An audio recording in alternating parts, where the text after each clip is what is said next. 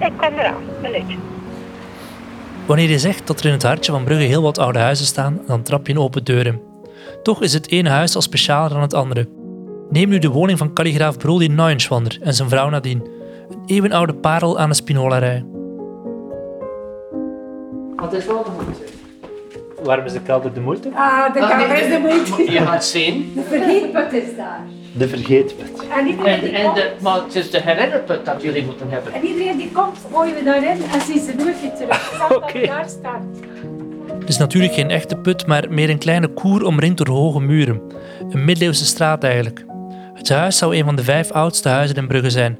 Alle aanpalende woningen zijn afgebroken. Er zijn zelfs documenten uit 1347 gevonden waarin al sprake is van dit huis. Je ziet dat dat witlijn eigenlijk geschilderd is. Dus heel de gevel was met een- rode kalei of also ijzeroxide verf geschilderd. Om dat dus beter om je voegen en al te beschermen. En dan hebben zij de voegen teruggeschilderd bovenop. Dus witte lijntjes daar bovenop. Dat het absoluut duidelijk was dat het een stenen huis was. En niet gewoon geschilderd hout, want dat was prestige in die tijd. Dat was de ingang voor werkplaats, stapelplaats enzovoort voor de goederen. We hebben dat eh, enkele jaren geleden mogen weer open doen. Het was dichtgemetst. En wij moesten die gevel herstellen en ofwel moesten wij door het huis van de buren komen, ofwel kregen wij terecht om dat open te maken. Maar het is eigenlijk bijna even interessant dat, dus dit huis hier was in de 16e eeuw gezet, niet alles, maar hier beneden is dit nog zo en dit is een keuken uit de 16e eeuw met nog eh, ingebouwde bed in een kast en een tegelhaard. Hier heb je eigenlijk een klein koortje dat volledig alsof van die tijd nog is. Wat had je hier? Een, een houten wenteltrap. Wij zijn er bijna zeker van. Je ging binnen om omhoog te gaan, ging je dan hier een wenteltrap naar boven. Want dit is later. Eh, dat is, ik denk dat dat 15e eeuw is, de boog met die kamers daarboven. Want hier was de straat die daar nog doorliep. Een huis met een rijke geschiedenis, vertelt Brody even later wanneer we ons in de keuken opwarmen. Vrouw en ik eh, hebben elkaar ontmoet in Londen en zij had hier eigenlijk in Brugge vaste benoeming als leerkracht en ik had in Engeland vaste benoeming als niks. Dus het was wel zinvol om naar hier te komen en zonder eigenlijk daar veel over na te denken had ik gedacht een huis te kopen en daar stond hier iets. Ik had een soort korte lijst van eisen. Het moest op het water zijn, het moest voor de industriële revolutie zijn en moest liefst een tuin en een garage hebben. Mijn vrouw zei, dat is onmogelijk, ja. En toch was er hier een huis te koop. Het was eigendom van de syndicale kamer van de brandstoffenhandel. Dus we hebben met de hele ploeg moeten delibereren. En we hebben dat kunnen doen in 1993. Brody was een prille dertiger toen hij het huis kocht. Vol energie begon de kunstenaar aan wat misschien wel het meest ambitieuze project van zijn hele leven zou worden. Van binnen was alles rommelig uitgeleefd of zelfs veel erger. Het middeleeuws huis was absoluut onbewoonbaar. De kamers waren verdeeld in kleine kotjes. Er was geen modern badkamer of wc. Er was een wc in de tuin. Het was niet echt een tuin, het was vol met kotjes en een garage, want de syndicale kamer had de grote camions ook binnengevoerd langs de garagepoort. Dus eigenlijk was er alleen een klein gangetje langs die gebouwen van het huis naar de andere straat toe. En ah, ja, er was geen keuken. Er was een soort eh, eh, ruimte waar dat wij dan een, met de campinggas voor enkele maanden hebben gekookt. En er waren zelfs zwammen die in het plafond daar groeiden. Ja, het was eigenlijk erg. Brody schakelde weinig externe hulp in, maar leerde onder andere zelf metselen en pleister mengen of klopte bij experts aan wanneer hij wilde weten hoe hij de balken in zijn woning kon restaureren. Waarom doe je zoiets helemaal zelf? Wel, het was een pure geldkwestie, maar gelukkig kwam dat overeen met wat ik ook graag doe. En dat is nieuwe dingen leren en zo echt handen uit de mouwen steken. Uh, in die tijd zware werken doen, dat deed ik echt graag. Dat was voor mij allemaal gewoon een spel eigenlijk. Maar ik denk dat voor veel mensen was dat onnozel. En we hebben niet alles op de juiste manier of in de juiste volgorde gedaan. Bijvoorbeeld het grootdak van het huis die je aan de straat paalt, was niet goed. Maar we konden dat niet restaureren. Het dak van het middeleeuwshuis was oké en is nog altijd oké. Maar we hebben dus gewoon voor de eerste jaren bij elke regenstorm hebben wij emmers geleegd en verplaatst enzovoort. En ik heb dan hier en daar rupsen op dingen gesmeerd. Also, ik was echt van rupsen beste klant ooit. Want ik, alles was met rupsen, van, van boven. En dan hebben wij dus enkele kamers bewoonbaar gemaakt. En ik was altijd optimistischer op de tijdplanning dan mijn vrouw. Zij wist dat om dat geld eigenlijk te verdienen, ging dat jaren duren. Dus we hadden kleine campagnes tussen 93 en 99 hier en daar een dak vermaken, elektriciteit wel vernieuwen, want dat is ja, zeer belangrijk. Chauffage hebben wij niet aangepast, die was zeer oud en die is maar pas dit jaar eigenlijk veranderd. Zo'n oude woning dat heeft een zekere waarde. En dan hebben we het niet alleen over de financiële waarde, maar vooral over de historische. wanneer kwam dat besef?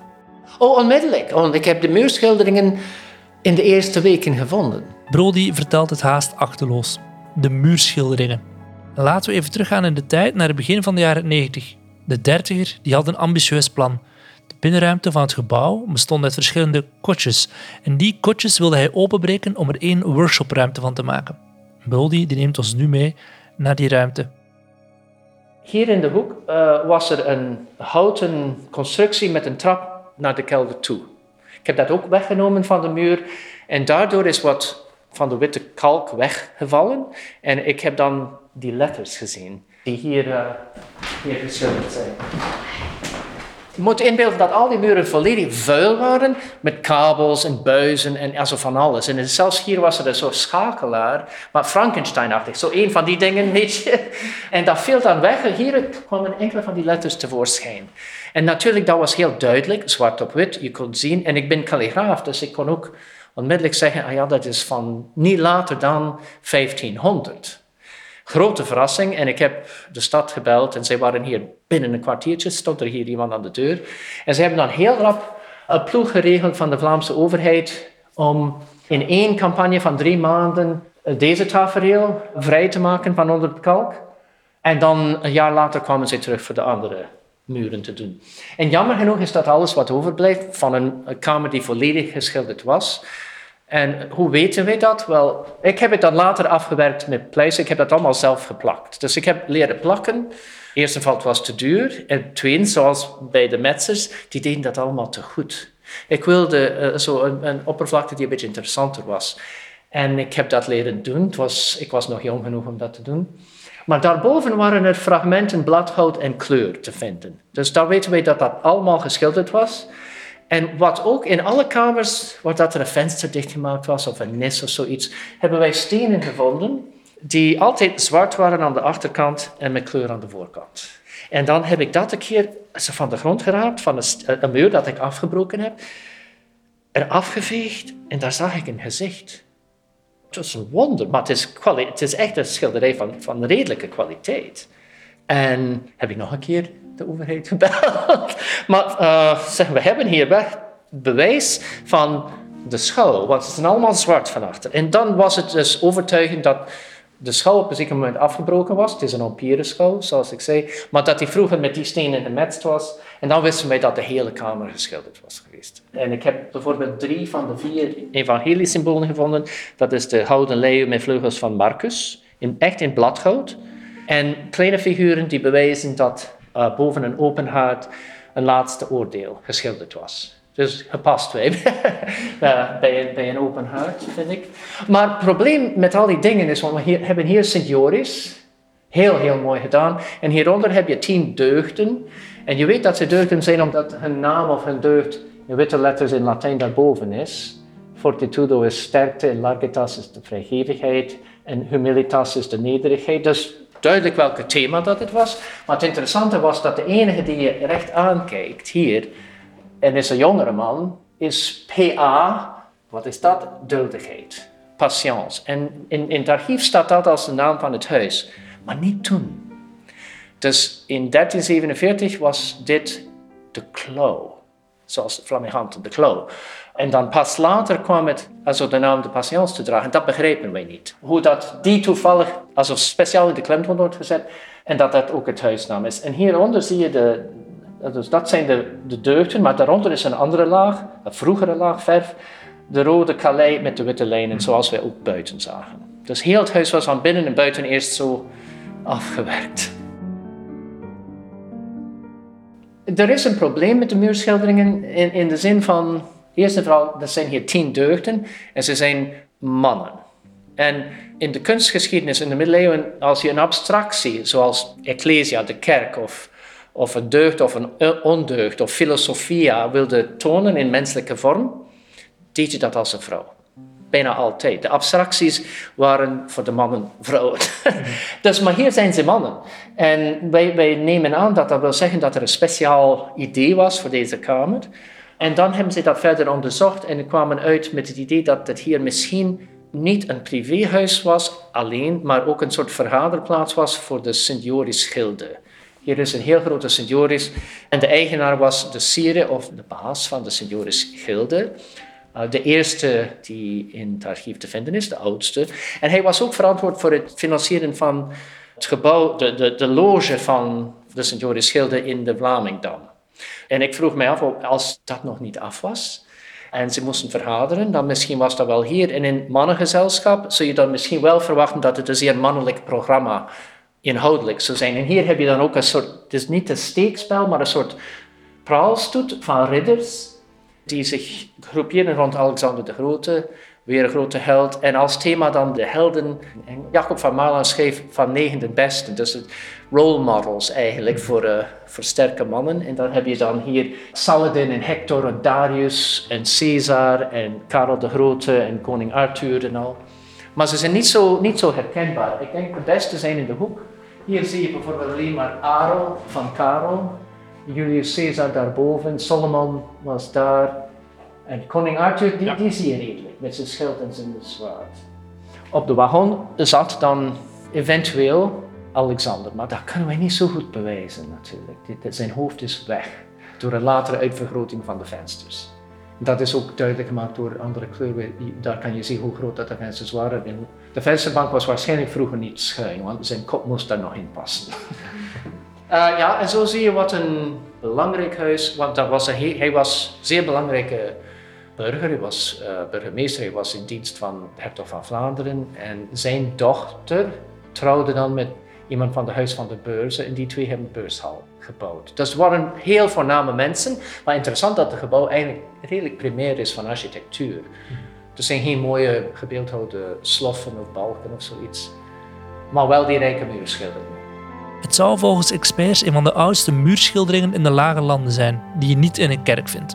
Als je Brody hoort praten, bekruipt je al snel het gevoel: wat een geluk heeft dit huis. De woning is gevonden door een bewoner die het met liefde voor architectuur verbouwt. Een kunstenaar die in een huis vol kunst woont. Je wordt er nooit blind voor. Ja, zo, ik zie het. Uh, S'nachts, het laatste dat ik doe, is die, die prachtige slaapkamer bekijken en denk, wauw. En dat is bijna elke dag dat ik dat apprecieer. Nu, ik heb meer verleden gekregen bij dit huis dan verwacht. Maar ik denk, een huis zonder verleden zou voor mij niks betekenen. Dat is leeg. Ik moet de ziel van mijn voorgangers dicht bij me hebben. Brody en zijn vrouw hebben helaas ook veel moeten afbreken. En zeker in zo'n oud huis is het steeds een balans zoeken tussen wat blijft en wat verdwijnt. Maar hoe maak je nu die keuze? Het idee dat alles van het verleden te bewaren is, dat is onmogelijk. De mens kan niet zo voort. Je wordt overbelast van het verleden en je moet kunnen op een moderne wijze uh, leven en keuzes maken over het verleden. Dus we hebben een klein beetje middeleeuws muur moeten afbreken. Die pijn, maar we hebben elke steen gekuist en gehouden. Die zitten in de kelder. Als er ooit restauratie moet gebeuren, hebben wij de stenen van toen. Maar bijvoorbeeld bij dit aanbouw, de, keuken, ik denk dat wij vier architecten de deur hebben gewezen voordat we iemand vond die op een subtiele en respectvolle wijze kon reageren op de gegevens. Meestal krijgen wij een soort modernistische idee van een white box. Ik noem dat de knak weekend house.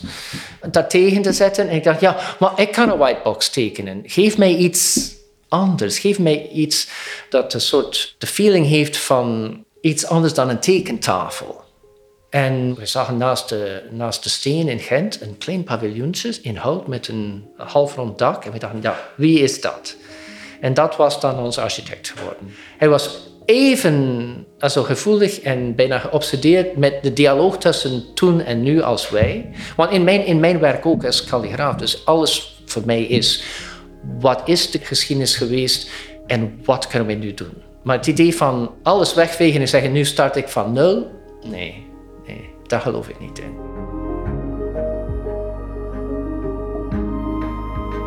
Dit was Mijn Huis een Monument, een podcast van provincie West-Vlaanderen. Wil je meer weten over deze podcast? Surf dan naar west-vlaanderen.be schuine erfgoedpodcast. Vergeet zeker ook niet om je via Spotify of je favoriete podcast-app te abonneren op Mijn Huis een Monument, zodat je de volgende afleveringen als eerste kunt beluisteren.